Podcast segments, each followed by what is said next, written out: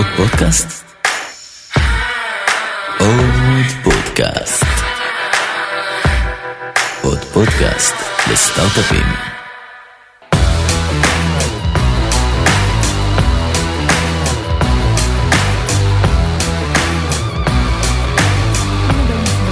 שלנו לטובת גילן, אני נעמה סמנכ"לית פיתוח עסקי בקרן בפרק היום אנחנו הולכים לעסוק במעבר לארה"ב והמורכבויות שיזמים ויזמות ישראלים מתמודדים איתן שם. ארה"ב היא השוק שרוב החברות הישראליות מכוונות אליו ובוודאי מתחילות איתו. הוא מביא איתו לא מעט שאלות סביב בחירת האזור בו מקימים את החברה, התזמון האידיאלי למעבר, ההחלטה בעצם מי עובר, אה, גיוס עובדים אמריקאים ראשונים, ניהול בורד עם משקיעים אמריקאים ועוד. כדי לשפוך קצת אור על חלק מהדילמות האלו, אני שמחה לארח איתי היום יזם שאני אישית מאוד מעריכה. הוא מתגורר בסן פרנסיסקו והגיע לכאן במהלך הביקור הקצר שלו.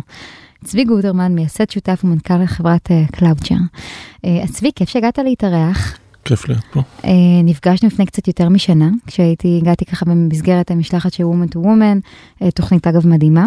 מי שלא מכירה כדאי לגגל, uh, ומהרגע שהתחלנו באמת לבשל את הסדרה הזאת, חיכיתי לרגע שאני אראיין אותך, זה ככה וידוי, אז תודה שהגעת, ולפני שאנחנו צוללים לנושא של היום, ספרנו קצת על עצמך, על קלאוצ'ר. נראה לי שעשיתי מספיק שגיאות שזה יהיה מעניין לכולם היום. בטוח, אה, כולם. אז תודה וכיף להיות פה. אז אני יזם 20 שנה, 10 אה, מהם אה, בארצות הברית, אני גר בסן פרנסיסקו. בציר האקדמי יש לי דוקטורט בתחום של שבירת צפנים, ובעשור האחרון אני יזם ומנכ"ל של חברה בשם קלאוצ'ר. שנותנת פתרון עסקי לחברות להריץ סביבות אה, IT דינמיות בענן. אנחנו כבר חברה עם הכנסות של עשרות מיליוני דולרים, מאות לקוחות, אלפי משתמשים, יותר מ-100 מדינות על בסיס שבועי, וכמובן, אולי חשוב, וגם נדבר על זה, רווחיים בחמש שנים האחרונות, ואפילו הגענו כבר לשלב שאנחנו בעצמנו מסתכלים ומנסים לרכוש מתחרים שלנו. וואו. בנוסף, אני קצת מעורב בחברות צעירות, ולפעמים מגיע לרמה שאני משתתף דירקטוריון שלי. אתה גם משקיע בעצמך, נכון? נכון. כרגע אקטיבית מנהם, היו כבר כמה שנרכשו, אולי שווה להזכיר את אה, קליקה, חברה שהתעסקה בתחום של marketing ובעצם נרכשה אפילו אולי בשלב די מוקדם על ידי אחד הלקוחות שלהם, על ידי Priceline, והיום בעצם שלושת המייסדים עדיין ב Priceline והם מובילים שם, בעצם שלושתם אה, מובילים את ה data, את ה product אה, ואת הטכנולוגיה, שזאת Priceline חברה ענקית מדהימה. אה, וחברה שעדיין אקטיבית ואני ובעצם די בתחילת הדרך ואני למעשה מגיע מישיבת דירקטוריון שלה זה חברת מדוריון שחברה בתחום של health IT. יפה, ביקור קצר. Yeah. אה, בוא נתחיל קצת בזה שנדבר אולי החלטה לעבור לארה"ב. אני בטוחה שהמון יזמים פונים אליך ומתייעצים איתך. קודם כל, איפה לפתוח משרד, מה הפרמטרים שכדאי להסתכל עליהם, כאילו האם בוואלי באמת יש עדיין יתרון כמו פעם, מה אתה מייעץ, קודם כל. בטח. קודם כל אני אומר לאנשים לא לעבור. אה, בכלל או שאלה באיזה שלב? בכלל לא, או להתלבט. זאת אומרת, אני חושב שהדבר הראשון שאני ממליץ אה, ליזם זה לשקול ולראות מה, כמובן, מה הפתרון שמתאים אה, ליזמת ומתאים עבורה. ואחד הדברים אני חושב שבאמת השתנו ואני חושב שגם בפודקאסטים קודמים עמדתם על זה שהיום אפשר להקים חברות נהדרות בישראל זאת אומרת קודם כל אם פעם היה רק את צ'ק uh, פוינט אז היום אנחנו מסתכלים על הרבה חברות ציבוריות. בסייברארק. כן חברות ציבוריות אה, גדולות וגם ציבוריות כאילו כמובן כמו וויקס או סייברארק או טאפינג'ן או אחרות. ואנחנו רואים אחרים, מספר לא מבוטל של חברות שהן עושות למעלה מ-100 מיליון דולר, וכמובן המשמעות של זה עבור אה, יזמים, זה שיש המון talent, יש המון ממי ללמוד, יש את מי לשכור. זאת אומרת, בעבר נושאים כמו sales או marketing היו מאוד מאוד קשים לשכירה בישראל, והיום אפשר לעשות את זה בישראל. אז אני חושב שליזם צריך להתלבט, קודם כל, מה המטרה שלו, מה הוא ירוויח ממעבר, האם זה הקרבה לשוק, הקרבה לשוק היא חשובה, אפשר לגשר עליה בנסיעות, אפשר uh, לראות מה השוק הראשוני, האם השוק הראשוני שאני רוצה לפנות אליו הוא באמת השוק האמריקאי. Uh, זה נכון ששווה ללמוד ממה שאחרים עושים, אבל צריך להיזהר מפופוליזם וצריך לעשות את ההחלטה העסקית הטובה ביותר לאותו יזם. עכשיו, השלב לעבור, אני מצאתי שהוא שילוב של uh, שלושה דברים. אחד, זה אישי, כמובן, תכף אני אעמוד על זה. השני הוא האפקטיביות, תכף גם על זה. והנושא השלישי זה איך החברה מתנהלת. בציר האישי, שווה להזכיר, כי אני חושב ששוב, כולנו בני אדם, אנחנו עובדים קשה, וצריך לראות מה, מה הקונסטלציה של, של אותה יזמת. האם אה, אה, בן הזוג בדיוק מסיים את הדוקטורט וזה נורא נורא נוח, ו, והפוסט דוקטורט וזה נורא מתאים, ואולי בוסטון, וזה יכול להיות סיבה מאוד מרכזית. גם צריך להסתכל כמובן על הקטע הכלכלי המשפחתי, אה, שהוא לא מבוטל, אנחנו רואים אה, יזמים יותר מבוגרים, עם ילדים, בלי ילדים. דיברתי בדיוק עם מישהו שרצה להתייעץ איתי שהוא נטול משפחה וקל לו לעבור אז אז אז המחיר מחר בבוקר. כן בדיוק אז המחיר אה, מעבר הוא כמה הוא, שיותר מהר. הוא נורא נורא פשוט מצד שני יכול להיות שהמחיר האישי שלו אחרי זה יהיה מאוד גבוה. כמובן. זה סיפור אחר. והיה יזם שאשתו לא עבדה והיו לו שלושה ילדים והוא גייס uh, סכום יחסית קטן זאת אומרת יחסית של חצי מיליון דולר והוא החליט לעבור. ואני הייתי נגד אמרתי לו תשמע אתה לוקח סיכון ענקי אתה בעצם נכון, זה עובר גם מעבר נורא יקר. נכון, גם המעבר נורא יקר, ואכן הוא עבר לניו ג'רזי, זה יצר לחץ אדיר, אשתו הייתה נורא מהר צריכה למצוא עבודה, לא היה להם מימון אה, רחב, ובעצם לקחו סיכון, אה, סיכון גדול, אני שמח, במקרה ההוא זה, זה בסוף עבד להם, והם הצליחו לגייס כסף, אבל זה לחץ מאוד גדול. אז דיברנו קצת על, ה, על ההיבט האישי. הזכרתי מקודם את ה... ונחזור לזה, לאפקטיביות. זאת אומרת, השאלה, אנחנו רוצים בסוף שהחברה תתנהל בצורה אידיאלית. אם השוק שלנו הוא בניו יורק וזה חברות financing, אז צריך לחשוב כמה פעמים אתה הולך לטוס. אני בשנה לפני שעברתי לארה"ב ב CloudShare, בעצם טסתי כמעט כל שבוע שני. זאת אומרת, עשיתי ממש כמו שזה גם אגב מחיר שה- שהמשפחה משלמת במקום מסוים. נכון, ממש כמו טבחים, שבוע פה, שבוע שם. ואצלי זה היה חלק גדול מהמוטיבציה. זאת אומרת, היה לי ברור שהשוק והשותפים שלי הם שם, וקשה לי מאוד לעשות את זה ברימוט.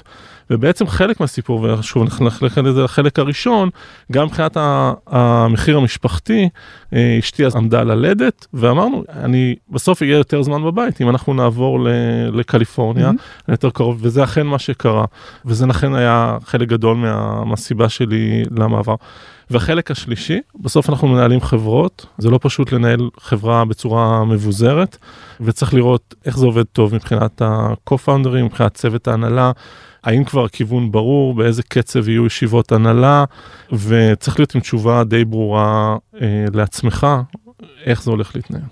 אה, אני חושב שאחת הנקודות החשובות היום זה שאלא אם כן יש סיבה מאוד טובה, הייתי ממליץ ליזמים ישראלים לא לפתוח בעמק הסיליקון. אנחנו רואים בעקבות מה שדיברנו קודם על יוקר המחיה, התחרות האכזרית בין, שוב, כל החברות הגדולות, החברות שמנפיקות וחדי הקרן שכבר נמצאים שם, התחרות הזאת היא מאוד מאוד מקשה ולכן העלות של הטאלנט אה, מאוד עולה וכן הלאה.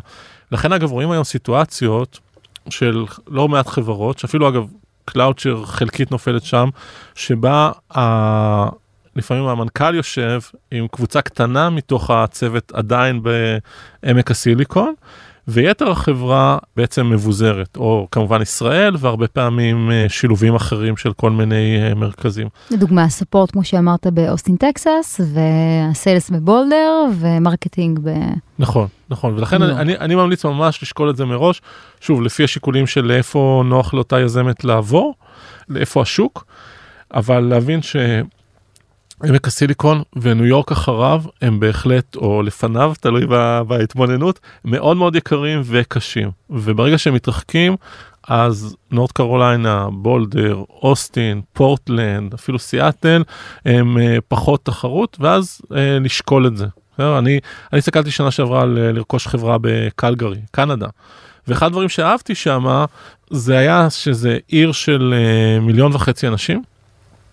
אין שם משרד של אה, גוגל, אין שם משרד של אה, מייקרוסופט. התעשייה המרכזית היא oil and gas, וזה אומר שאין שם המון מתכנתים, שוב, בתור חברה שאתה צריך עשרה, זה לא נורא שאין המון, יש שם אוניברסיטה נהדרת, ואז בסוף האקסיה שלך לטאלנט הוא מגניב, והסיכוי שראש העיר יפגוש אותך וינסה לעזור לך הוא למעשה לא מבוטל. וכמובן העלויות וכן הלאה, אה, אז לשיקולכם. איך אתה מוצא שם עובדים? אתה חושב יותר קל למצוא בעצמך את העובדים שם?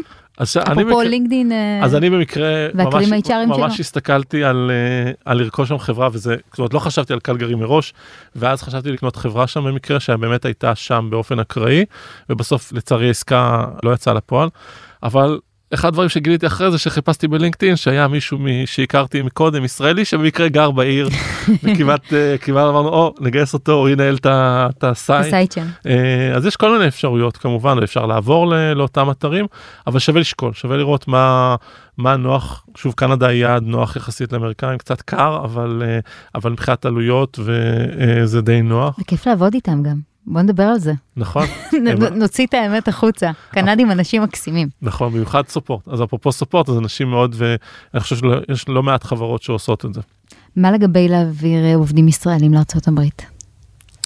אז קודם כל זה מנוגד לציונות כמו שאמא שלי תגיד.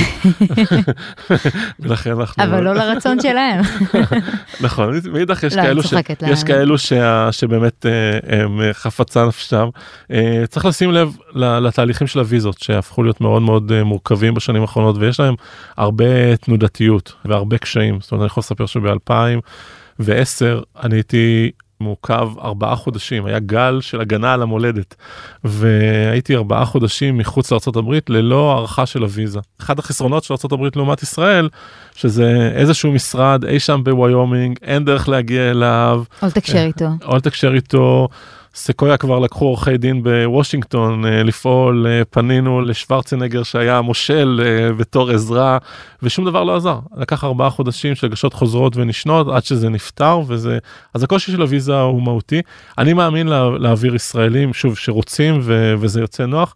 עם הקשיים האלו פשוט צריך להבין שזה תהליך וזה נהדר לקחת מישהו מה-R&D שהחליט שהוא רוצה קצת לעבור נגיד לקסטומר סייד ו, ולהעביר אותו. גם אה, ברמת ה-DNA, אתה יודע, אנחנו הרבה פעמים רוצים כן, אה, הרבה חברות אומרות שמרגישות שיש site ישראלי ו site אמריקאי.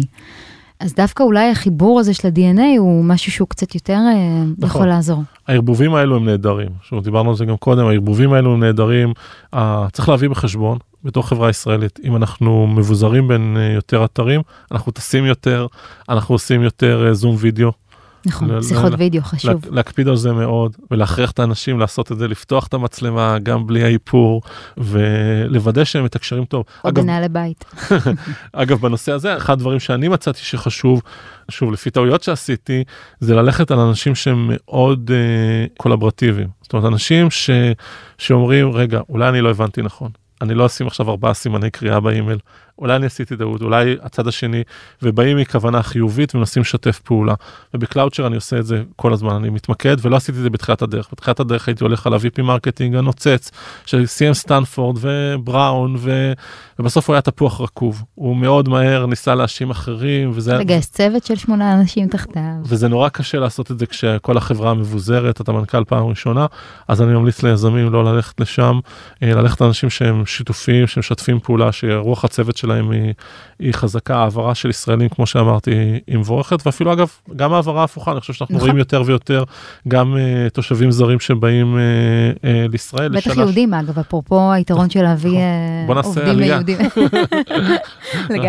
רק מבורך. לגמרי, מסכימה. אולי נעשה חילופים, אתה יודע, נציע למשל חילופי אוכלוסייה. מגניב. אני רוצה לחזור אותך גם צעד אולי קצת אחורה. יש איזו סברה כזאת, שהרבה קרנות, אה, בעיקר אמריקאיות, רוצות לראות את הפאונדרים, אה, או לפחות את אחד מהם, בדרך כלל המנכ"ל בארצות הברית, ורק אז נשקיע, או מאוד מצפים שאחרי שביצעו השקעה, תעבור בעצם פיזית או תעברי אה, לארצות הברית. איך מתמודדים עם זה? אז צריך לשקול עם- מי המשקיע שלוקחים, אני חושב שזה... זה נפוץ אגב? זה באמת נפוץ שזה כן. סתם איזה... זה נפוץ, אה, בעבר זה היה, זה נאמר עם אה, מרחק אה, נסיעה של אופניים, וזה עדיין נכון להרבה משקיעים. צריך לשים לב האם המשקיע שלך כבר, מי שאתה מסתכל עליו בתור השקעה, השקיע בחברות בינלאומיות, האם באמת הוא מצפה עם זה. אני ממליץ ליזמים בכלל לדבר עם, אה, עם משקיע גם על איפה הולך להיות הפערים בינינו. אם אני מגיע כבר לשיחה עם משקיע לקראת השקעה ויש כבר רצון, אז בוא נגיע לשיחה של איפה אנחנו הולכים לריב, איפה אתה המשקיע המנוסה, לך יש יותר אה, ניסיון בזה, איפה יש פער, מה חשוב לך. כן, משקיעים בדרך כלל אוהבים אה, לראות את המשקיעים, את היזמים לידם, הם בדרך כלל גם רוצים שהיזמים יפנו לשוק המקומי. זאת אומרת, משקיע אמריקאי לרוב לא יסתכל על יזם שיגיד, רגע, החלטתי שה-go to market הראשון שלי הוא לצרפת. ברור. אה, ואגב, אפילו לישראל, והיו גם חברות ישראליות נהדרות, גם בתחום של enterprise, שהתחילו בשוק המקומי הישראלי, אני זוכר את אה, XIV למשל בתחום של storage, שקיבלו החלטה אמיצה, ואמרו ב storage, זה נכון שבנק אוף אמריקה הוא גדול ואני רוצה לפנות ויש Fortune 1000 ו Fortune 2000 שאנחנו רוצים לפנות אליהם, ואלו חברות נהדרות, אבל בסוף גם בנק לאומי הוא חברה די גדולה בסוף מבחינת storage, וב-20 לקוחות הראשונים, אם אני יכול לנסוע לכולם באוטו, וזה לא רחוק מהמהנדסים, אני פותר לעצמי בעיה גדולה. ו... ואז הולך לגייס כסף בעצם ב round A לצורך כן, העניין, שכבר יש... כן, product market fit, כן. אני מקבל, אה, ואז אני חוזר שוב למה שדיברנו אה, לפני כמה דקות, שאני ממליץ קודם כל להחליט מה, מה הדבר האפקטיבי, לא כל כך מהר לרוץ על אה, לעבור, וזה גם קצת אולי קשור לשאלה שלך על, ה- על הסיליקון וואלי. סיליקון וואלי מאוד יקר, צריך להבין את זה, זאת אומרת, אני חושב שזה האתגר הגדול היום של... וזה יותר ויותר? בהחלט. יותר ויותר נעשה יקר. אני יכול לתת דוגמה ששכרנו איש סופורט בתחילת השנה, ועל אותה משרה, על אותו כישורים בסן פרנסיסקו, אנשים ביקשו 2x ממה שביקש אותו מועמד באוסטין טקסס. כן, אחד מההאבים בארצות הברית עכשיו ש, שצומחים. אנחנו בסוף החלטנו אה, להגדיל את המרכז שלנו באוסטין טקסס, ושכרנו בן אדם שם, וזה יצא שכירה מעולה. בסיליקון וואלי, בגלל שזה המקה, וזה ממשיך להיות, נשפכים שם סכומים אדירים של, אה, של כסף, אז התחרות יותר ויותר קשה, ו- ויזם חייב להבין את זה שזה כללי המשחק. זאת אומרת, אז אה, אה, בטיסה לפה, טסתי אתמול בלילה, ישב לידי חבר שמנהל בפייסבוק קבוצה גדולה של אה, מפתחים, והוא אמר לי, רק תצביע לי על אנשים. אה, money is not an issue. אה, תן... וזה הסיטואציה, זאת אומרת, אני חושב שכולנו כמובן, אה, בטח כל המאזינים אה, מודעים. והמשקיעים? ש... שתוכנה כאילו ימשיך להיות בחוסר ב-20 שנה הקרובות, ולכן אה, טאלנט זה אתגר אה, גדול. הסיליקון וואלי הוא, הוא מאוד מאוד יקר, מאוד מאוד קשה, מאוד תחרותי, כי אנחנו מתחרים מצד אחד בגוגלים ובפייסבוקים ששופכים המון כסף, מצד שני בהמון חברות שרק הנפיקו, או שהולכות להנפיק, אה, כן, ו... ויש המון כאלו, וביוניקורנים שגייסו אתמול 150 מיליון דולר ובא להם להשקיע, ואז אתה צריך להחליט האם אתה משחק את המשחק הזה בתור יזם, זאת אומרת, האם אתה גם, את ה... אפילו אם גייסת חמישה או עשרה מיליון דולר, אם אתה רוצה לשחק את המשחק הזה, ופשוט להתלבט, יכול להיות שזה באמת הדבר הטוב עבורך, ויכול להיות uh, שלא ושווה ליזמים לשקול את זה. בהנחה וצוות המייסדים אומר, אוקיי, בוא נדחה טיפה את המעבר של אחד מאיתנו אה, לארצות הברית, אבל בוא נבנה איזשהו site, בוא נבנה איזשהו entity אה, בארצות הברית. אז ממה שאנחנו רואים, יש קושי מאוד גדול בלגייס מכאן. זה לא קל, וגם יש את השאלה, תכף נדבר קצת יותר באמת על גיוס עובדים אמריקאים, אם אה, לנסות לעשות את זה לבד או דרך חברות השמה, אבל זה מודל שאתה אתה מוצא שהוא קצת יותר עובד, או שהוא הוא עדיף לחכות בעצם למעבר של מישהו ואז להתחיל להקים site, גם אם זה ב remote. נניח אה, בולדר קולורדו, שיש שם, אני יודעת, הרבה צוותי מכירות. בהחלט. אז אני חושב שצריך לפתור את ה- את התשבץ הזה ממה המדרגה הבאה שאנחנו רוצים בעצם לחברה מבחינת היעד של השנה. בכלל, שוב, ליזם יש לנו איזשהו חלום, אנחנו רואים איזשהו מגדלור רחוק ואנחנו חותרים אליו. בחתירה הזאת אנחנו צריכים לתרגם אותה ל- ליעד שלנו לשנה הקרובה, האם זה למצוא את השלושה design partners הראשונים. אם זה מה שאנחנו מחליטים, ובאמת מסכמים את זה עם כל השותפים שלנו, שלפעמים, שבדרך כלל זה המשקיעים, אז אנחנו צריכים לשאול את עצמנו איך אנחנו יכולים לעשות את זה. ויכול להיות שאנחנו יכולים לעשות את זה בעצמנו היזמים. בקלאוצ'ר למשל, את הלקוחות הראשונים, אנחנו עשינו בעצמנו היזמים, וזה עבד די טוב. מי הלקוחות האידיאליים שלכם? סתם ככה שנוכל לקבל... אה, של קלאוצ'ר זה היו כן. חברות תוכנה אה, גדולות. גדולות. כמה כן. גדולות? אה, ציבוריות, חברות שעושות יותר מ-100 מיליון דולר. מכירות. זה בדרך כלל הלקוח האידיאלי של, אה, של קלאוצ'ר. ובאמת הלקוחות הראשונים הגענו מה network שלנו, אחר כך קצת מפעילויות marketing אה, ראשוניות ב- בקלאוצ'ר. ועסקה הראשונה שלנו הייתה יותר מ-40 אלף דולר, ובעצם את, אה, כחצי מיליון דולר ראשונים של מכירות, עשינו את זה בעצמנו. עכשיו כמובן, יזמת שחושבת על זה צריכה להחליט, אחד, האם היא יודעת, היא והצוות שלה יודעים לה- לעשות את זה ולהגיע ללקוחות האלו, או שבאמת נורא חשוב למצוא את האיש מכירות הראשון בארצות הברית, או אולי את האיש שיווק הראשון, בדרך כלל זה אחד מהשניים, או שיווק או מכירות, ואם זה ככה, האם המעבר של, אה, של אחד מהיזמים לארה"ב הוא הכרחי? אני חושב שלא. אפשר לעשות את זה בצורה טובה גם עם אה, מרחוק. זה יהיה תמיד עם נסיעות, צריך להביא את זה בחשבון. זה יהיה תמיד עם, עם שעות ארוכות ביום שישי, אה, זה יהיה תמיד עם שיחות מאוחרות לתוך הלילה, אבל זה בהחלט, בהחלט אפשרי. ומצד שני גם לא כדאי לחכות, אם ברור שהחיבור לשוק והפנייה לאנשים האלו, כדאי שתעשה כמה שיותר מוקדם. זאת אומרת, אנחנו לא מחפשים שלושה design partners, אנחנו צריכים בשנה הקרובה לפחות עשרה לקוחות משלמים. למשל. למשל, אם כן. אנחנו חברת SaaS שגייסה חמישה מיליון דולר ויש לה נניח מיליון דולר ב- ARR, אנחנו חייבים להראות צמיחה מאוד גדולה, אז, אה, אז כן. בהחלט. אז זה כן. מצריך מעבר. איך מקבלים בכלל את ההחלטה שהיא נראית פשוטה, היא ממש לא פשוטה, מי עובר מהצוות? אה, נכון. המנכ"לית נראה לי זה ברור, אבל מה לגבי ה-CTO, מה לגבי ה-VP R&D, שבדרך כלל גם הם אנשי מכירות מעולים אגב, כן. או CPO.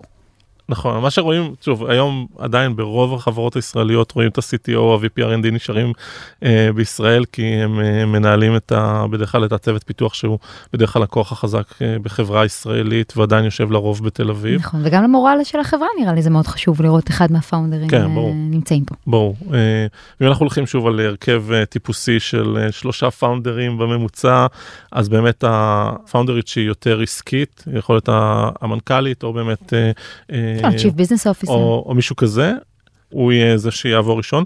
אה, אגב, שווה גם לשקול מעבר של שניים, ועוד שווה להזכיר שגם אני הרבה פעמים בשיחה הזאת, גם בדרך למעבר אפשר לעשות צעדים, אה, צעדים בוני אמון, למשל אפשר לעבור לרבעון, אפשר לעבור לחצי שנה, שוב, אפרופו האילוצים האישיים. אילוצים אישיים. אבל אני המון פעמים ממליץ דווקא ליזמים טיפה יותר מבוגרים, או עם, כבר עם משפחה, להגיד, רגע, קחו את הקיץ, קודם נכון. כל. קחו את הקיץ, זה גם יכול לעזור לכם מאוד, קחו את הקיץ, תעברו לשלושה חודשים. גם בקלאוצ'ר אגב עשינו את זה, אני עברתי, ואחר כך עשינו תקופות שבהם פאונדרים הגיעו לשלושה חודשים, לפעמים עם המשפחה, או בדרך כלל זה היה עם המשפחה, וגם להפך, להביא אנשים מחו"ל uh, לישראל זה כיוונים טובים. מתי עברתם? מתי עברת בעצם? אני, אז במקרה שלי, uh, אנחנו עברנו אחרי ש, שכבר הייתה השקעה מהותית. זאת אומרת, אחרי מה זה מהותית? של חמישה מיליון דולר. זה היה שלב, גם זה היה שלב כבר של לקוחות, היה כבר uh, ראשית של צוות אמריקאי, זאת אומרת כבר היה לנו איש שיווק, והיה אשת מכירות ו sales engineer ראשון, ובעצם צמוד לזה אחר כך אני עברתי. בוא נדבר קצת על גיוס עובדים אמריקאים ראשונים, אני חושבת שזו בעיה שאין כמעט חברה שלא מתמודדת איתה. עכשיו, היא גם שאלה שהיא מאוד תלוית תפקיד, אז ננסה להיות כמה שיותר אה, אה, באמת אה, helpful פה. בוא נשמע אולי קצת על חוויית גיוס העובד האמריקאי הראשון שלכם. אם יש אה, דברים שפתאום הבנת שחשוב כזה לעובדים שם, אמריקאים, ששווה לשים אליהם לב, או בכלל לגשת לפני שניגשים למשא ומתן, לדעת. כן, כמובן. או גם בתרגות הפרופיל של אותו בן אדם. נכון, אני חושב שקודם כל שווה להזכיר אולי שכשאנחנו מסתכלים על uh, עובד, זה נכון כנראה על כל התחומים, אבל אדרבה בסחירה בארצות הברית, אנחנו בדרך כלל מסתכלים על uh, שלושה אלמנטים. אחד זה גיאוגרפיה, איפה הוא יושב, אנחנו צריכים מישהו באיסט קוסט או בווסט קוסט או באיזשהו מקום אחר, אנחנו מוכרים לתעשיית הרכב. וכדאי שהוא יישב בדטרויט, או שאולי לתעשיית המדיה ואנחנו רוצים שהבן אדם יישב באטלנטה וכן הלאה. אז, אז אחד זה הגיאוגרפיה. שתיים, אנחנו רוצים שלאותו עובד, ושוב אנחנו מדברים בדרך כלל על customer facing כמו מכירות, יהיה רקע, רקע בתחום. אם אנחנו שוב רוצים שיהיה לו רולודקס, שיהיה לו איזשהו אה, קשרים לפני זה בתחום הזה, או שהוא מכיר את, אה, את הסל סייקל ב-health IT, כמו שהזכרתי לפני כן. והתחום האחרון, כמובן הכישורים שלו. זאת אומרת, אנחנו למשל... בדרך כלל אני חושב לפאונדרים מתחילת הדרך אחד הדברים אני יכול להגיד לפחות על עצמי אתה פוגש פתאום אנשים מסוג אחר שצריכים להתמחות במכירות ואתה רוצה לראות uh, כמה הם חזקים ובדרך כלל uh, כמו שחבר טוב שלי אומר השעה הראשונה שלהם היא נהדרת. uh, מישהו בגיל 40 שהוא בתחום המכירות אם השנה הראשונה שלו היא גרועה אז באמת הוא, הוא כנראה לא, לא מתאים למקצוע הזה ורובם את השעה הראשונה יש להם בדיוק את הבדיחות. קוראים לזה הברושור, אתה יודע, כן. הברושור נראה מעולה אבל מה יש מאחוריו. כן בדיוק אז, אז, אז, זה, אז זה מאוד uh, מסודר. עכשיו אני אגיד את ההמלצה שלי אני מתוך השלושה למדתי אם הזכרתי שוב גיאוגרפיה את המיקום של האיש מכירות. הניסיון? הניסיון בתחום הספציפי והכישורים אני מצאתי שעבורי הדבר החשוב ביותר הוא הכישרון. והניסיון שלי מוכיח, ואני חוזר על זה שוב ושוב uh, בשנות ניסיון שלי, זה לקחת אנשים שיש להם כישרון. ורעב. כן, אני שם בדרך כלל שוב באמת את היכולת למכור, זאת אומרת שאומרים לך לא, את מחפשת את איזה דלת אחרת להיכנס, רעב כמובן, רמות אנרגיה גבוהות זה תמיד אה, דבר הכרחי בסטארט-אפים, וכל דבר אחר, זאת אומרת אם צריך להבין מורכבות טכנית עם המוצר, יש איזה מורכבות טכנית וכן הלאה, ואני פחות מתעדף את שני האחרים. זאת אומרת, את הניסיון ואת האזור המיקום הגיאוגרפי. נכון. לא, מיקום גיאוגרפי נראה לי חשוב, בסוף זה משנה, הוא חשוב, אבל... תעשיית הפייננס, תלך לדעת, תעדיף שזה יהיה מישהו שיהיה בניו יורק. נכון. או שאתה אומר שהם אנשים שב-DNA שלהם רגילים לעלות על מטוסים וזה לא משהו שהוא... אז אחד, אה, יכולים. לעלות על מטוסים, צריך ל- אז הערה... לתאם ציפיות. כן, לתאם ציפיות, צריך ל- לשאול ב- באמריקאית, שואלים כמה אתה מסוגל לנסוע, לא, לא שואלים כמה ילדים יש לך כמובן, אלא הדבר הנכון שגם בכל העולם צריך לקרות, אלא כמה היכולת שלך אה, לנסוע, אם אתה יכול לנסוע 50% מהזמן, ואצל אמריקאים זה לא נדיר שיש אנשים שעולים על מטוס ביום שני וחוזרים ביום אה, שישי. כמובן שאם הם יושבים בניו יורק והם אה, מוכרים לפיננסים זה, זה די נוח, אז אני בהחלט מתעדף את הכישורים. באמת, אם נחזור, אמרת על, על הרעב והיכולת למכור, אני מאמין שאנשים, אני מעדיף לקחת כאלו ולהכניס אותם לדומיינים שבהם אני התעסקתי לפחות ב-B2B ו enterprise. אז בעצם לא אפשר לרוץ לחפש את ה-VP sales, הכי טוב שאנחנו יכולים, זה דווקא שנייה להיות פתוחים לעוד levels של אנשים. אוקיי, עכשיו בואי נדבר באמת seniority. על, על ה seniority, מי הבן אדם הראשון שנזכור. אז קודם כל צריך באמת להגיד, במיוחד לאנשים שעושים את זה פעם ראשונה, האיש הראשון שאנחנו נזכור, זה יהיה משהו מוזר. הוא עושה החלטה מוזרה. אה, הוא הולך לעבוד בשביל חברה שהיא מהצד השני של העולם, ובדרך כלל זה לא ההחלטה הטבעית שלו, ההחלטה הטבעית שלו היא ללכת לעבוד בשביל אה, גוגל. או סיילספורס. כן, או בדיוק, מישהו שהוא מכיר, או אם הוא לא מכיר, חברה שהבוגר שלו הוא מ-MIT, ויכול להיות שהוא לא שווה על האוניברסיטה המפורסמת בנגב, אפילו אם היא נהדרת והיית מצטיין נשיא. אה, המדורגת 112 בעולם. כן, אז, אז זה קושי ראשון, זאת אומרת, מי שאנחנו אה, נמצא, בדרך כלל זה לא אופציה טריוויאלית עבורו, ולכן יש משהו אחר שימשוך אותו. זה יכול להיות שלמשל הוא יהודי. תתפלאו, אבל הרבה פעמים רואים מישהו שהוא יהודי, אז הוא אומר, אה, לעבוד בשביל חברה ישראלית זה סבבה, וגם אני אוהב לבקר את הקוזינה שלי בפתח תקווה, אז uh, הנה סידרתי לי נסיעה פעם בשנה ואני אוהב חומוס וזה טוב. Um, מישהו שחסום, אנחנו רואים מישהו שישב בסיילספורס והוא בדרגה של דירקטור, וברור לו שצריך שמישהו, שמישהו ממש ימות. ימות בשביל שהוא יקבל את ה-VP. סליחה שאני אומר את זה בצורה נוקשה, אבל שה, שמישהו מעליו אה, לא הולך לזוז בשנים הקרובות, ואצלנו הוא יקבל את הקידום. הדבר הזה בדרך כלל מתייחסים בתור up and coming, כן? מישהו שאנחנו אומרים שהוא, שהוא יקבל איזשהו קידום מהותי, או שהרבה פעמים, אגב, כשאנחנו מדברים על, על סיילס, אנחנו רואים מישהו שהוא, שהוא איש מכירות, וכבר נורא ברור לנו שהוא יכול להיות מנהל.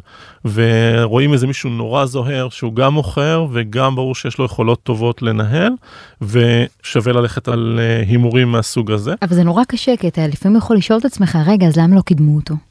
נכון, זה שאלה, אה, זה ש... ולעשות דו דיליג'נס על אמריקאים, זה לא כמונו, אה, תרים טלפון כנראה ל... אחד החברים הכי טובים שלך מהתעשייה, ותוך שנייה אתה מבין מי הבן אדם.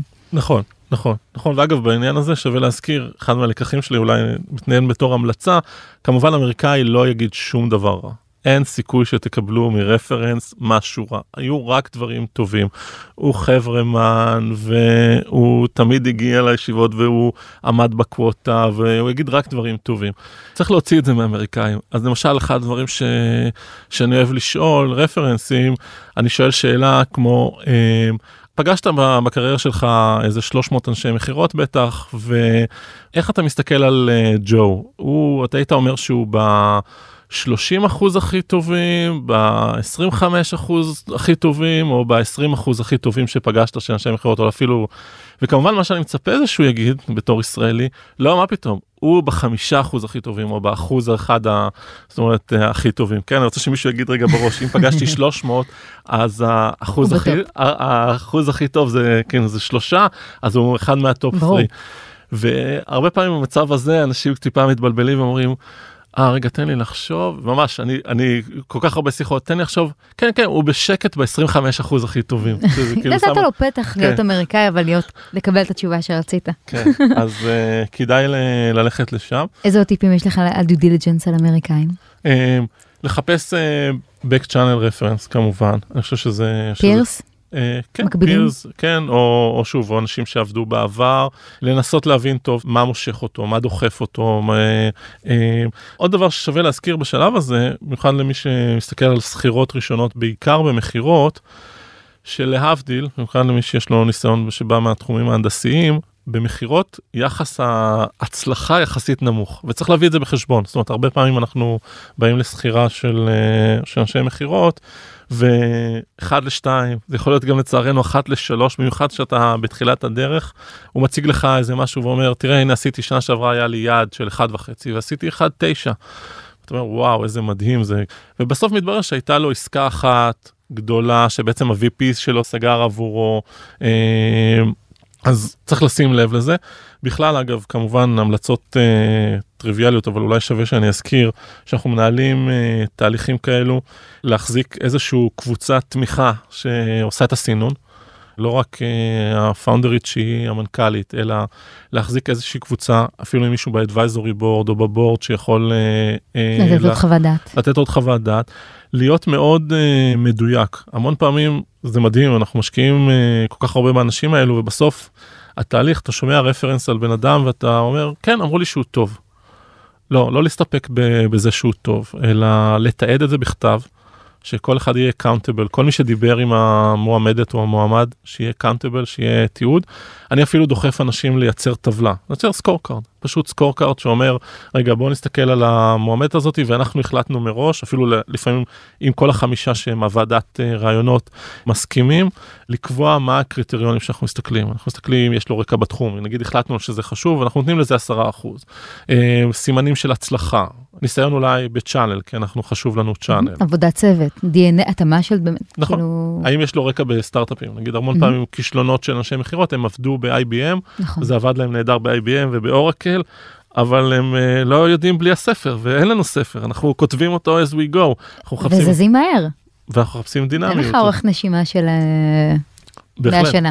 אז, uh, אז צריך למצוא. מישהו, כן, צריך למצוא מישהו ש, שמתאים לזה, וסקור קארט כזה הוא מאוד מאוד טוב ועוזר לכולם uh, להיות uh, יותר ישרים עם עצמם ולעשות תהליך יותר טוב, ולשאול את השאלות הקשות. לשאול שאלות כמו, שוב, כמו הדוגמה שנתתי על, ה, על האחוזים, כמו לבקש ממישהו, אני אוהב לשאול אנשים, תספר ללשכה שנכשלה.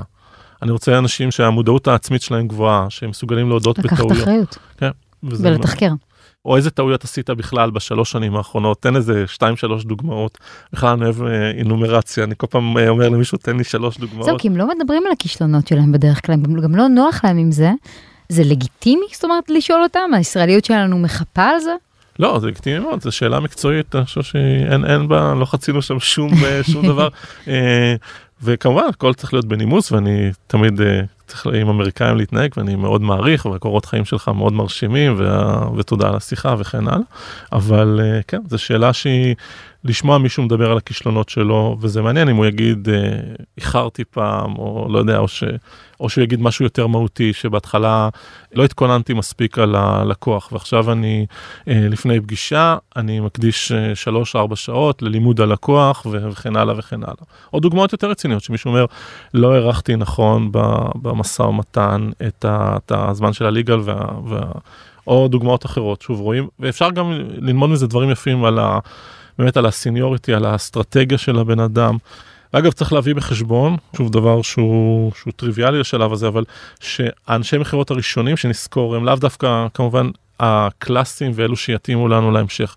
האנשים הראשונים הם הרבה פעמים עם טיפה איזה עניין ב product, איזה טיפה יש להם איזה אופי פרודקטי שהם מסוגלים ל- להיפתח וקצת לדלג על המרחקים האלו ש- שעוד חסרים במוצר ויודעים קצת לדבר עליו באוויר, בלי כמובן להטעות, אלא למכור מה שיש, אה, וזה מאוד מאוד חשוב.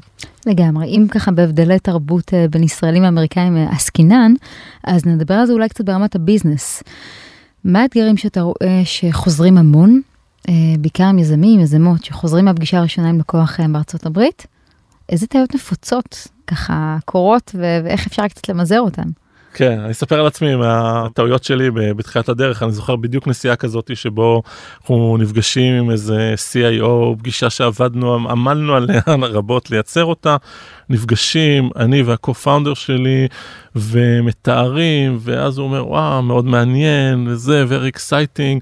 ואז הוא שואל בסוף, אה, רגע, ומתי יהיה לכם product? ואומרים לו, יהיה אלפא, בעוד זה, בטא, משהו.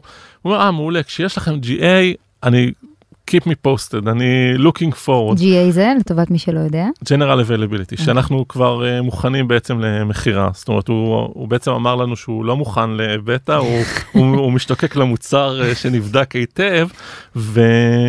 ואנחנו יוצאים, מתחבקים ואומר וואו זה היה CIO של פורצ'ן 100 איזה נהדר וזה ובעצם הוא אמר לנו לא. אה, רק בתור אמריקאי חבל לו להעליב זה לא ישראלי שיגיד תשמעו זה הרעיון הכי מטומטם שראיתי בשנתיים האחרונות. שום סיכוי שאני שם את השם שלי על זה.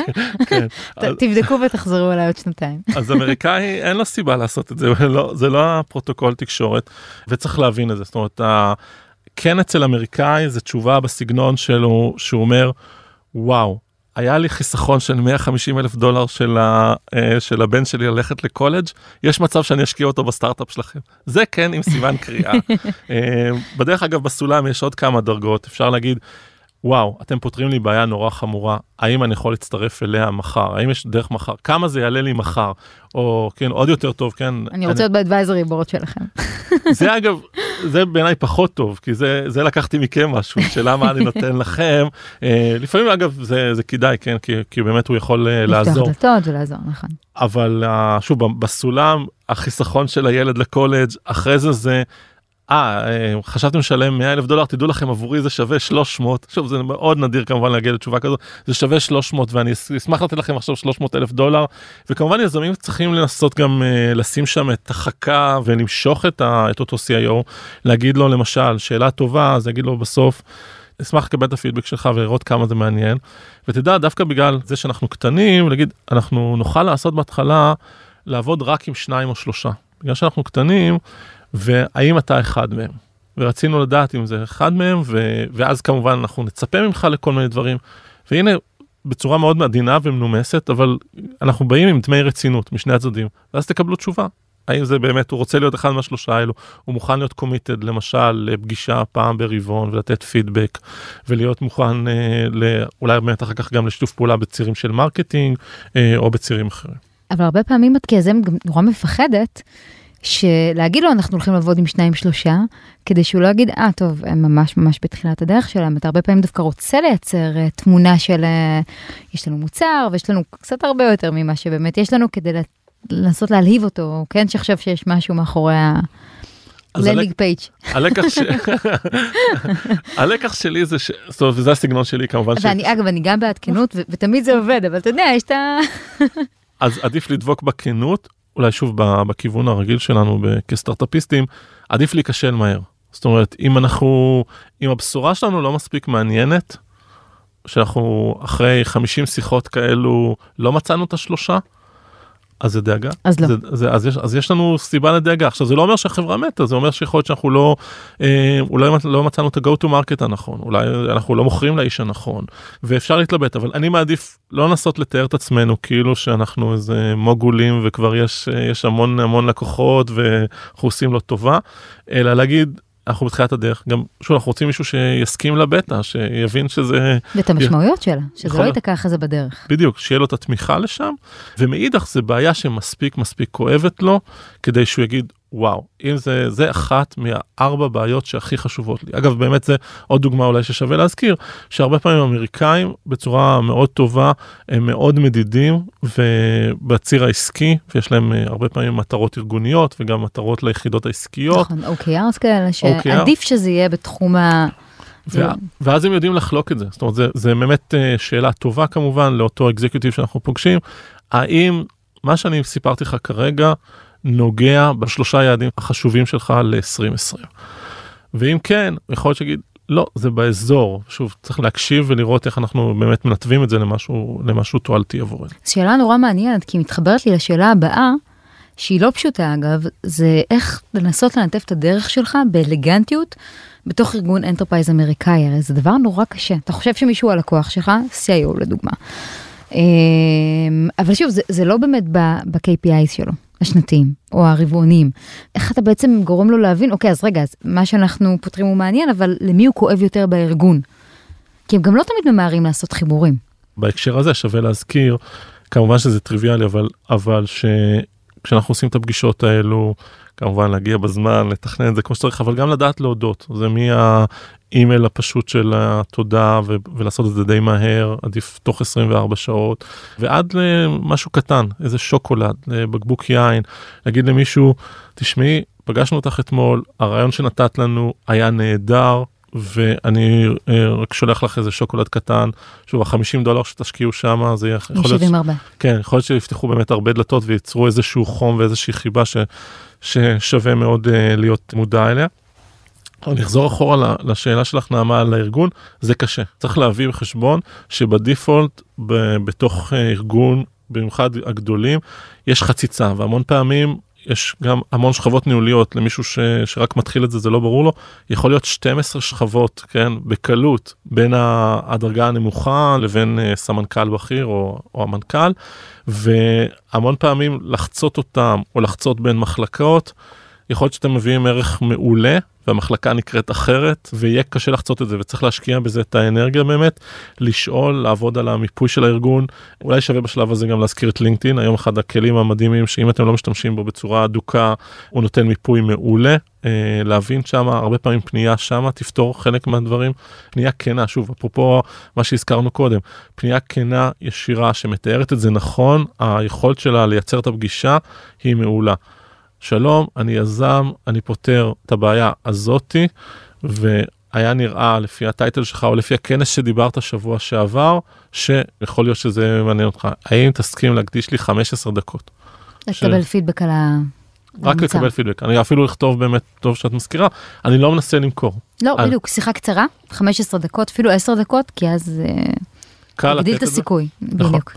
נכון, ורוב ה executive, אם השיחה תהיה מעניינת, יגיד, רגע, בוא נמשיך. שמעתי דוגמה נורא יפה של חברה שעשתה את זה, ולא ענו להם, והם ניסו לטרגט בן אדם מאוד מאוד מאוד בכיר, מאוד ספציפי, אז הם שלחו לו אה, כרטיס של סטארבקס למשרד, אה, וכתבו לו שהם היו שמחים אה, אה, להזמין אותו לקפה ולקבל כמה דקות מהזמן שלו, ואז הוא הגיב. זה מדהים. אז תהיו שכירים. זה, זה תמיד הדהים אותי בכנסים שאת רואה תור ענק אנשים שמרוויחים משכורות אה, די אה, די יפות עומדים בתור ענק לקבל איזה טישרט. כן, בדיוק איזשהו איזה גרביים איזשהו משהו. אה, שגרביים זה נורא כי זה נורא גברי אז אל תעשו גרביים די. אבל כן או מאג לקפה ו... וגם באמת הסטארבקס אגב גם היום זאת אומרת, זה מדהים כמה ש... שאנחנו באמת מחפשים לפעמים לקבל איזשהו פידבק אנחנו פשוט מציעים באמת כרטיס של סטארבקס באיזשהו מייל רחב וזה דרך נהדרת וזה עובד אה, וזה עובד נהדר. מקסים אה, מה נניח לא לעשות מה הביג נו נוז איפה לא ליפול. כי אנחנו. נוטים להיות נורא חצופים שזה טוב אבל. כן אוקיי אז באמת נדבר אחד הדברים של ישראלים לא להגיד לצד השני שהוא טועה. אה, לפעמים בישירות. אומר למישהו שיכול להיות שזה 30 שנה בקריירה הזאת ובכל מקרה הוא רגיל להיות הלקוח אומר לו שהוא טועה. אני מציע לא לעשות את זה. זה לא זה לא גישה טובה לייצר עסקים. עדיף להגיד האמריקאים מאוד מאוד חזקים ב understatement להגיד אני חושב שמה שאמרת אפילו שאת מנסה להגיד לצד השני שהוא טועה אני חושב שאולי לא הבנתי טוב. מה אתה מתכוון באמת שאתם לא יכולים לעשות יותר מ-50 טרה? לא הבנתי טוב. ולתת לו איכשהו לסגת? באמת הזכרת נעמה אני חושב שהיכולת הקשבה שלנו בתור ישראלים בתור יזמים היא קריטית. רוב הזמן צריך להיות הקשבה. כי אנחנו בעצם נכנסים למישהו בדלת, עדיף מראש לתכנן אגב באמת, של לנסות שהחלק שבו אנחנו מספרים הוא יהיה מעט. ואגב, אנשי מכירות, אם אנחנו מדברים על אנשי מכירות נהדרים, אז קודם כל מתחילים בשיחה של אני תכף אספר לך מה קלאודשר עושה, אבל בוא תספר לי רגע על המחלקה שלך של ה training. האנשי מכירות הטובים ביותר של קלאודשר אומרים, ספר לי ומה האתגרים שלך. ואז כל השיחה שלנו מתנהלת לאור זה. אוקיי, מעולה, בוא נספר לך על קלאודשר ונראה האם מה שאני יכול להביא אולי יכול לעזור לך בעסקים שלך. בוא נדבר אולי קצת על, ה... על הנושא באמת של גיוס כסף מקרנות אמריקאיות, כי גם זה סוג של תהליך אה, מכירה. רוב החברות הישראליות נראה לי היו מאוד רוצות אה, לגייס כסף אה, משקיעים אמריקאים, אבל כן יש קצת שוני בתמהיל, בבורד, ברגע שנכנס משקיע או משקיעה כזאתי. יש דברים ייחודיים שיצא לך לראות מבחינת הסטנדרט שמשקיעים אמריקאים מצפים לראות לעומת ישראלים? אה, קודם כל אני חושב שדווקא אחד הדברים המעניינים זה שזה הולך ונעשה יותר אחוד זאת אומרת אנחנו רואים דמיון וממש אני חושב שהשוק אה, הולך לפורמטים יותר ויותר אחידים גם של ישראלים וגם של אמריקאים כך שהשונות ביניהם הולכת וקטנה. אני חושב ש, שיזמים צריכים להיות מודעים בכלל לציפיות באופן כללי ברמת הדירקטוריון, רמת הבורד, כן, באנגלית, ומה מצופה מהם, מה צריך להכין. אה, לעמוד בזמנים, לעמוד בזמנים. אפילו לשלוח יום לפני. וזה נגיד אחד האזורים שאני יכול להעיד על עצמי לפחות, היה בהחלט אחת הטעויות המרכזיות שלי. וצריך להבין שטעות שמה משמעותו אובדן שליטה בחברה. וזה דבר שאנחנו מאוד לא רוצים לחברה. מה זאת אומרת? אולי בוא נלך צעד אחורה ונדבר קצת על דירקטוריון ועל אה, ו-. והמשמעות שלו. אז קודם כל, יש לו משמעות חוקית כמובן, שמי שלא מכיר, כן, כמובן זה ה-governance, המועצה המנהלת של, אה, של החברה, שיש כל מיני אספקטים שמבחינה חוקית חייבים לעבור אישור בדירקטוריון, כמו תקציב לשנה הבאה, כמו אה, בונוסים הלוואות לצוות, גם. הלוואה, השקעה. רכישה, ורכישה. אולי הדבר- סקנדרי. הדברים הכי מעניינים אה, בחברות חייבים להיות שם וחייבים להתנהל על פיהם וזה נורא חשוב. מעבר לזה יש בעצם משהו נורא חשוב שקורה בדירקטוריון והוא יחסי הכוחות בין אה, משקיעים שלא נאמר ניגוד אינטרסים אה, מובנה. נכון שווה אולי להזכיר את זה אבל יש שם אז בואו נזכיר רגע קודם כל יש לנו יזמים ויש את המשקיעים שמחד גיסא הם כולם לטובת החברה. ומאידך לכל אחד מביא את המטען האישי שלו ואת החסרונות והיתרונות שלו למשל המשקיע. יכול להיות שהוא שכח לחלוק איתנו או אני אומר שכח בצחוק שבעצם יש לו רק עוד חמישה מיליון דולר להשקיע. ולכן כל מה שלא ייפול בקופסה הזאתי לא יהיה לו אידיאלי. וזה עלול להשפיע על ההתנהגות שלו בדירקטוריון, כי אם תהיה סיבוב גדול או קטן או כל מיני דברים אחרים. אה, או כל מיני עדיפויות אחרות וכנ"ל גם לפעמים ל- ליזמים עצמם כמובן יש אה, עדיפויות שלאו דווקא הם, אה, הם אה, עולות בקנה אחד. עולות אה, בקנה אחד בטח עם המשקיעים. הזכרנו אולי אולי עוד עוד בפרוצדורלי דירקטוריון בדרך כלל צריך לצפות לזה שאנחנו נפגשים בין פעם לפעמיים ברבעון. צריך להבין מבחינת המנכ"ל והמייסדים צוות הנהלה המטרה זה מעבר לא- לאותם אלמנטים חוקיים זה לשמש כבקרה על החברה. והדבר שלא היה ברור לי לפחות בהתחלה ולא חשבתי על זה ככה התייחסתי לזה בתור בקרה וחשבתי על זה בתור uh, צורה נורא פתוחה ואני אהיה גלוי כמו שאני אוהב להיות ואני אקבל פידבק וזה נהדר. אבל צריך ללכת קצת יותר מזה צריך uh, ללכת לכיוונים שבאנגלית אנחנו אומרים under promise over deliver ו-repeat. במילים פשוטות אנחנו צריכים נורא מאוד להבהיר לכל מי שיושב בבורד בעצם שאנחנו ובמקרה הזה זה בעיקר המנכ"ל מנווט מחזיק את ההגה ולוקח את הסירה או את האונייה אה, למקום הנכון. זאת אומרת אנחנו בעצם רוצים שמישהו שמסתכל עלינו אומר כן הוא יודע מה הוא עושה אה, ו... להשרות ביטחון. נכון, וזה גם, נורא, נורא אה, נורא חשוב. גם יש תהיות, ושוב, אפשר לשים את, ה, את התהיות ולחלוק אותם, אבל נורא נורא חשוב שאנחנו יודעים להגיד מה היעדים ברמת הדירקטוריון. היעד השנתי הוא נקודה נורא נורא חשובה. וחייבים לחשוב על זה בצורה, הנה היעד, למה אני בונה אותו, וכמובן שבהסתברות מאוד מאוד גבוהה אנחנו נעמוד בו, לקחת מרווחי ביטחון, להתחיל לבנות את זה, כל מיני דברים כאלו של באמת לבנות pipeline של מכירות, כל מיני דברים שקשורים לזה, ואז לראות איך עומדים לאורם, או מתקנים כמובן, כמובן מתקנים, אבל בצורה באמת שנותנת את הביטחון ליתר חברי הדירקטוריון שהדברים מתנהלים כמו שצריך. איך אתה מתמודד עם המתיחות שמצד אחד אתה מאוד רוצה להשרות ביטחון, אז אתה שולח מייל עדכון, אתה דואג ככה לדבר אולי עם כולם, לעשות מין איזה לובינג זה לא המילה הכי טובה, אבל לפני ישיבת board, כאילו, אתה יודע, אולי יש דברים שאתה יכול לסגור עם כל אחד מהצדדים, ואז להעלות את זה כבר להסכמה כוללת שכולם שהם כבר מוכנים, ולא להעלות איזה חבית נפץ ככה. אה, אה, ומצד שני, אתה, אתה גם לא רוצה יותר מדי לייצר תחושה שאתה over מעדכן, ואתה over מתייעץ, ואתה משאיר פה פתח ל micro management שאתה כיזם לא רוצה. אני כשהגעתי לוורטקס ונורא עניין אותי לדעת למה יזמים בוחרים את הקרן שלהם, אז הסיבה מספר אחת אגב, הייתה לפחות אז לפני שנתיים וחצי, אני מעדיף משקיעים שייתנו לי שקט לעבוד. כן, את נוגעת בהרבה נקודות uh, מעולות. אני אתחיל מהאחרונה, אני חושב שזו נקודה מעולה ליזמת להגיד, את מנהלת החברה. ותשימי לב שאת מנהלת החברה, את מקבלת את ההחלטות, ולא להגיע באמת לסיטואציה שכיוונת אליה, שבעצם הדירקטוריון, ולצערנו זה קורה לפעמים, בעצם מתפקד כמעין אה, מנכ"ל על. ולפעמים חלק מהמשקיעים רואים את עצמם, במיוחד אגב, אפרופו אה, משקיעים שיש להם אה, ניסיון אופרטיבי, שהיו בעצמם יזמים ומנכ"לים, הרבה פעמים יש להם נטייה להגיד, אה רגע רגע, או אפילו לא, לא תמיד להצהיר את זה לעצמם, אבל להתנהג ככה כאיזשהו מנהיג עליון, אם נשווה את זה לפוליטיקה, ו, ובעצם לנסות uh, לכפות את דעתם. אז צריך מאוד, ליזמת אני אגיד קודם כל, תשימי לב שאת לא נותנת להם ללכת לשם. זאת אומרת, את מנהלת את החברה, זה הציפייה ממך, את לא באה ואומרת, אני מתכננת לשכור את זה, והאם אתה מאשר. זה לא אמירה נכונה, אלא זה החלטה שלי, אני הולכת לשכור. לפעמים יכול להיות שמבחינה פורמלית עדיין צריך כמובן לקבל את לא, האישור. זה גם למה, למה קיבלנו את ההחלטה הזאת. זאת אומרת, כן להציג את ה... בדקנו, ראינו, השווינו, וזאת ההחלטה הכי נכונה כרגע לחברה. בהחלט. אז לשים לב שזה הסיטואציה ולא לצפות אה, של, אה, בוא תגיד לי חבר דירקטוריון מה צריך להיות היעדים שלי לשנה הבאה. לא, החברי בורד יכולים לחוות דעה, לתת פידבק, וזה הכוונה שלנו במצב הטוב, אבל לא לנהל את החברה. אז זה. אה, הם גם לא רוצים לנהל את החברה, אגב. זה גם, אנחנו מקווים. זה גם לא נכון, אתה יודע, בסוף תמיד יש את שאלת המעורבות. יש כאלה שהם יותר hands on, יש כאלה שפחות. Uh, תראה, אני באה מבית uh, מדרשה של ורטקס, ואני חושבת שאנחנו בסוף לא באים לעשות את העבודה של היזמים. אנחנו משקיעים בחברות שהיו מצליחות איתנו בלעדינו.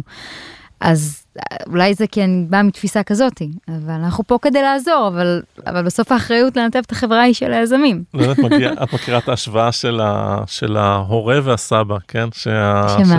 שיש לנו תינוק שזה החברה, ההורה זה, ה, זה היזם והמשקיע, שוב, הוא, הוא לפעמים הסבא סבתא, וצריך לשים לב שהם... בישראל הם עושים הרבה בייביסיטר. כן, עושים הרבה בייביסיטר, צריך לשים לב זהו שהם לא... מחנכים, שלא מחנכים את הילד במקומכם.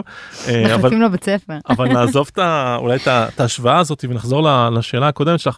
אז אחד, דגש גדול ליזמת, את מנהלת החברה, תתנהגי בהתאם. שתיים, עוד דבר שמאוד עוזר, זה השלב של באמת להביא איזשהו מנטור, או מה שנקרא אה, לפעמים אה, חבר דירקטוריון עצמאי. אולי, כן? או חבר, נכון, בדיוק. אה, שבעצם יכול מאוד מאוד לעזור וגם אה, אולי להסיר חלק מה, מהמתח בתוך הדירקטוריון ויכול מאוד לעזור. אני מאוד מאוד ממליץ על זה ליזמים, כי באמת מישהו כזה יכול להיות הקול השקול בדירקטוריון.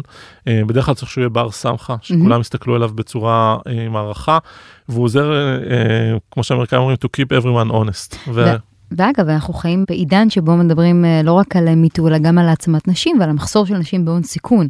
והרבה חברות באות ואומרות, היינו רוצים עוד נשים בבורד, אבל מה לעשות שבקרנות ההון סיכון יש רוב גברי.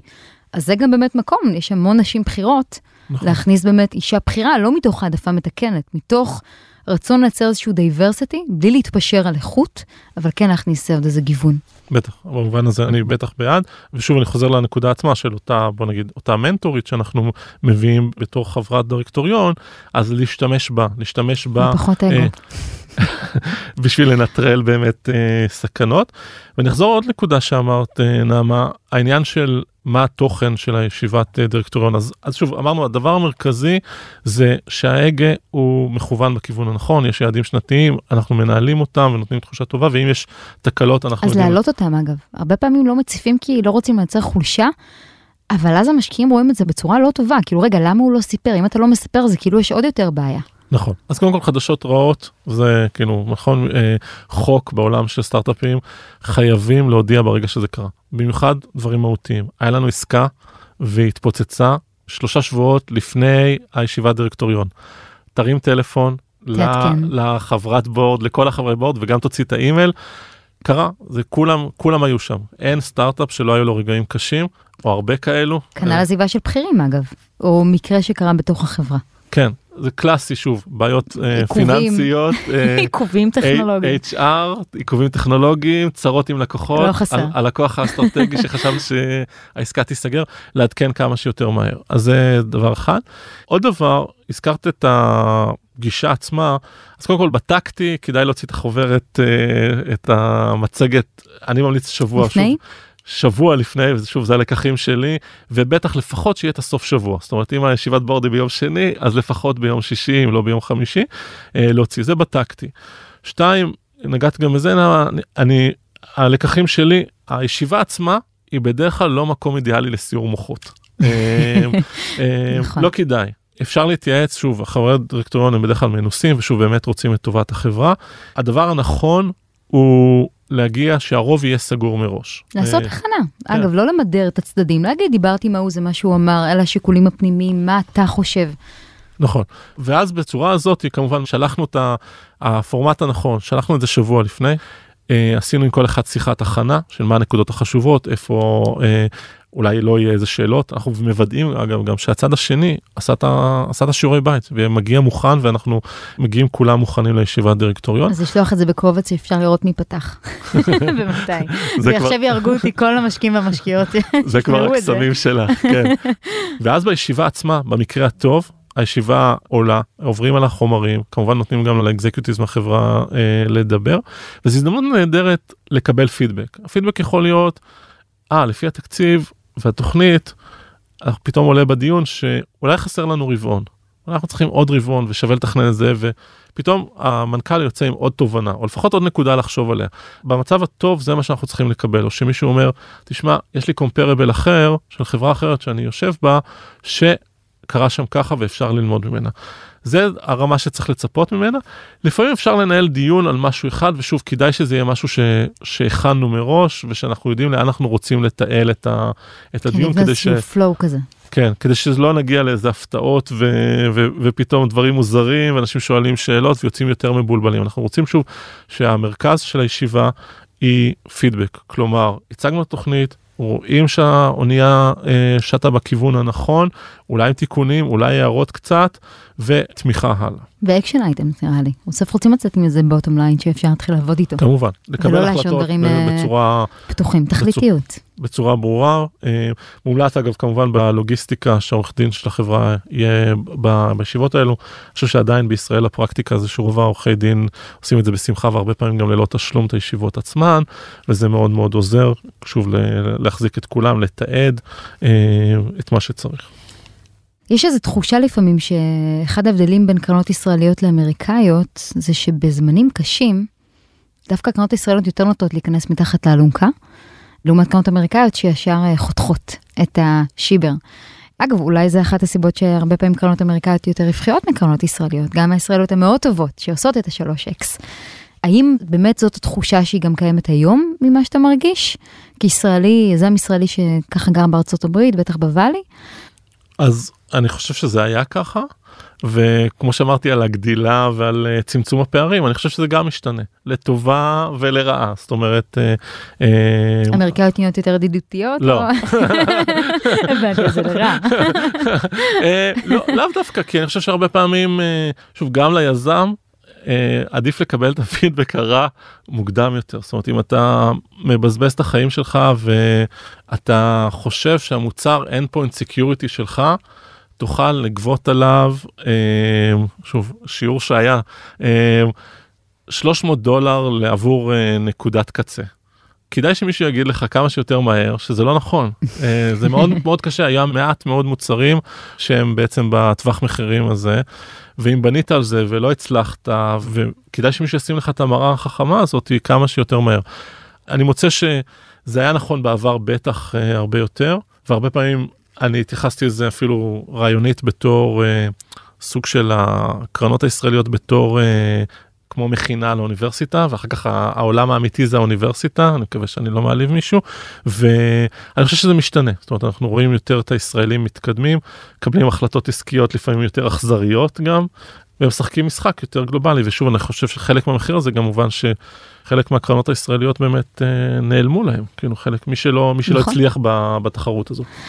אה, לפני שאנחנו ככה מסיימים, אני חייבת לדבר איתך באמת על האלטרנטיבות אולי של גדילה אורגנית של חברה לעומת לגייס כסף. כי אני חושבת שהרבה פאונדרים ופאונדריות היום, יש המון כסף הרי שנמצא בשוק, ונורא קל לקחת את המיליון, שניים, לפעמים גם חמישה, אם הצוות ככה מגיע יותר עם ניסיון, ולאו דווקא חושבים על האופציה של אולי, רגע, אולי נהיה רווחיים קודם, אחרי זה נגייס. בתנאים אולי יותר טובים. נכון. נכון אני חושב שאני הגעתי לזה בשוגג אז אני בהחלט הייתי בקבוצה הזאת. אה, מה היה הפלואו המחשבתי שלך והניסיון ברמת הניסיון שהוביל אותך? אז בהחלט בחטאים שלי אה, אני לא חשבתי על זה מספיק ובעצם אה, יחסית שפר מזלי אה, שלפעמים שוב זה בעוכרינו וגייסתי יחסית כסף בקלות הייתי כבר אחרי סטארט-אפ אחד קרנות מדהימות. אה, וקרנות נהדרות. טירואן, נכון, ואלי. נכון, אבל מאידך לא חשבתי יותר מדי רגע רווחיות ואז באמת השלב הוא בוא נכבוש את העולם בוא נהפוך להיות יוניקורן ואז זה, זה מסלול מאוד ספציפי שמנסה להיות יוניקורן כמה שיותר מהר. צריכים להיות מוכנים ל... אחד למסלול הזה ושתיים שוב למדתי בדיעבד אה, יזמים גם צריכים להיות מודעים שיש מסלולים אחרים ואין כמו כסף מלקוחות אה, וזה עדות מאוד טובה גם בדרך כלל באמת המסלול הזה הוא הרבה פחות מפורסם כי אין, אין הרבה אנשים הוא גם יותר סיזיפי. אה, המחיר הוא מאוד גבוה. לפעמים אני חייב להגיד שזה לא נכון לפעמים אה, דווקא ההתחלה יותר זאת סיזיפית. התפיסה, כאילו. כן, אה אוקיי, אז, אז במציאות אני אגיד, זה לאו דווקא, זאת אומרת ההתחלה באמת יותר קל להיכנס לעשות עסקה אחת עם VC, במקרה שלנו אנחנו לקחנו מיליון דולר, הסתובבנו חודש, אה, קיבלנו גם לא, או לא מעט, וקיבלנו שני term sheets ולקחנו מיליון דולר, את העסקה היותר טובה, עם שחשבנו שיהיה שותף יותר טוב, ו, וזה היה די קל, אבל היום אני, אני דוחף את אותה יזמת שוב שאני פוגש ואני אגיד לה בוא רגע בוא נראה מה המרחק לרווחיות. יש לך רעיון נהדר. אה, לפעמים זה, זה בלתי אפשרי אם יש רעיון שיש בו חומרה. בדרך בדרך כלל זה סוף הסיפור זה דוחף אותנו לסכומים אגדיים. או הלטקר. אה, כן נכון. נכון אז צריך מסלולים ארוכים אבל אחד הדברים היפים בסופטוור מה המרחק שלנו ללקוחות ושוב נחזור לשאלה הקודמת למרג'ינס, נכון שהם נוטים להיות גבוהים. נכון קודם כל אפשר לקחת כל מיני מענקים שהם נון דילוטיב כמובן כמו. לדוגמה. אפילו. נגיד הכסף של אמזון נגיד אה, או של גוגל שאנחנו נמצאים פה או של אה, אז'ור כן של כל אה, ענן שנותנים לך בעצם את ה-100 אלף דולר הראשונים בשביל להתחיל את המחשוב. אז הנה לא עלה לך קלאוצ'ר שהתחלנו אנחנו קנינו בחצי מיליון דולר חומרה. אז היום זה למשל אה, אפשרות. כמובן יש כל מיני אה, אפשרויות אחרות. ולנסות לראות כמה מהר אנחנו יכולים להגיע לרווחיות אה, ולראות האם זה מסלול באמת איך אנחנו לעומת התחרות? אולי אנחנו חדשניים מספיק שאנחנו לא חייבים לרוץ בטירוף. אחד הדברים היתרון במסלול הזה של הגדילה האורגנית הוא שאנחנו שולטים בגורל שלנו. ואז ההתלבטות עם רגע אולי אני שנה הבאה רוצה ללכת לצרפת. למה לצרפת? כי זה נוח לי, כי אשתי צרפתייה, כי אני רוצה משהו, אשתי לא צרפתייה, אבל לדוגמה, כן, עם, עם איזושהי סיבה ואני רוצה ללכת לשם, בדירקטוריון זה יהיה לך החלטה מוזרה. למה? כי מעט אנשים ראו חברות שהלכו לצרפת בתור התחלה. בארצות הברית היא כנראה כן. ו... שם התעשייה. ויכול להיות אה, שוב או גדילה כן אה, גדילה של 40 אחוז בחברות שהן אה, מבוססות השקעה של קרנות היא בדרך כלל לא מספיק טובה. אני יכול להגיד השנה שפיטרו אותי פעם ראשונה בתור מנכ"ל אה, אנחנו עשינו באותה שנה 2x על השנה הקודמת הבעיה זה שאני הבטחתי שאני אעשה 3x. ו- אז תנמיכו ציפיות. אז זה חוזר להערה שלנו להנמיך ציפיות וכמובן שוב זה מבחינה מבחינות אחרות הייתה תוצאה נהדרת אבל באמת גם עשיתי טעויות גם כיוונתי לא טוב ובסוף היה לזה מחיר אבל שאיבדתי. חזרת, כן. בענק. לשמחתי כן. זה חשוב להגיד. אני חושבת אבל שזה... אני ככה מרגישה בנוח להגיד, אני חושבת שאולי זה קצת יותר קל לחברות שה-go to market שלהם קצת יותר ברור, לא? שהם הם מצאו קצת את ה market fit ויותר קל להם לגדול באמת אורגנית, כי הרי למה אתה מגייס? אתה מגייס כי אתה אומר, טוב, אני חייב לגדול מהר, אני כבר רואה מתחרים בשוק שלי, אני חייב להביא או חייבת להביא עכשיו עשרה רמניקים או בוגרי קורס גמא שיתחילו לעבוד, סליחה אם אה, זנחתי אה, יחידות אה, אחרות מדהימות, כאילו, אני חייב, אני חייב לגייס. נכון אני חושב אני מוצא יודע, שאלה אם זה לא פריבילגיה קצת. לא אני חושב שזה שוב אני ראיתי את זה כבר לא מעט פעמים אחרי ששוב אני הגעתי לזה בשוגג שבו אני לוקח יזם ואני אומר רגע בוא אתה באמת רואה את התחרות כל כך והיא כל כך רצה מהר. בוא נדבר רגע על ה-go to market. בוא נראה בסדר יש מוצר שהוא החלום האידיאלי בסוף אבל האם יש מוצר התחלתי ראשוני ב-go to market איזה מינימל viable product כזה שכבר יהיה שווה כסף? ואולי אפשר לעשות אותו בשישה חודשים ותשאל את עצמך אם אתה יכול להיות שנה שנה וחצי בלי משכורת. ולפעמים זה בהחלט אופציה ולפעמים שוב היום שני אנשים בתוכנה עושים דברים מאוד מאוד יפים ו... ואם עושים את זה אז זה לא אומר אה, שזה חייבת להיות כל הדרך זה יכול להיות ההתחלה. אה, נכון, גם- להגיע גם- לאיזה מיליון דולר, לנו יש חברה כזאתי. אה, טל אז- דסקל הגיע לכאן לדבר על bootstrap. ואז מגייסים בתנאים הרבה יותר טובים. גם הרבה שאלות נעלמות. שוב, לצד של היזם, במקום להתעסק בלשכנע קרנות בלי, בלי להעליב, תשכנע לקוחות. אני לא אומר עכשיו זאת הדרך היחידה ואין בלתה, אלא אני אומר בואי, את יזמת, תשקלי את זה לפחות, תסתכלי על זה, ותמיד תסתכלי על הרווחיות. רווחיות היא דבר טוב, אה, אנחנו לפעמים שוכחים, אנחנו מסתכלים על אה, חברה שלא הייתה לה כמעט מכירות ונמכרת ב-800 מיליון דולר, ואנחנו מתבלבלים בתור היוניקון ואומרים, וסוגדים לזה בצורה, אני חושב, יותר, אה, יותר גדולה ממה שבעצם יש לה מקום בטבע. נכון, זה, זה המשמעות של בועות. נכון. שנקווה שכמה שפחות יתפוצצו. אה, יואו, צבי, קשה להאמין, אבל נגמר לנו הזמן. היה נהדר. אז אני אגיד לך תודה ענקית שהגעת להתארח וחלקת מהידע והניסיון שלך, אה, ותודה לגוגל פור סטארט-אפס על האירוח ולתום וגיא, אה, ותודה לכם המאזינים, אנחנו נתראה בפרק הבא של עוד פודקאסט על כאבי גדילה.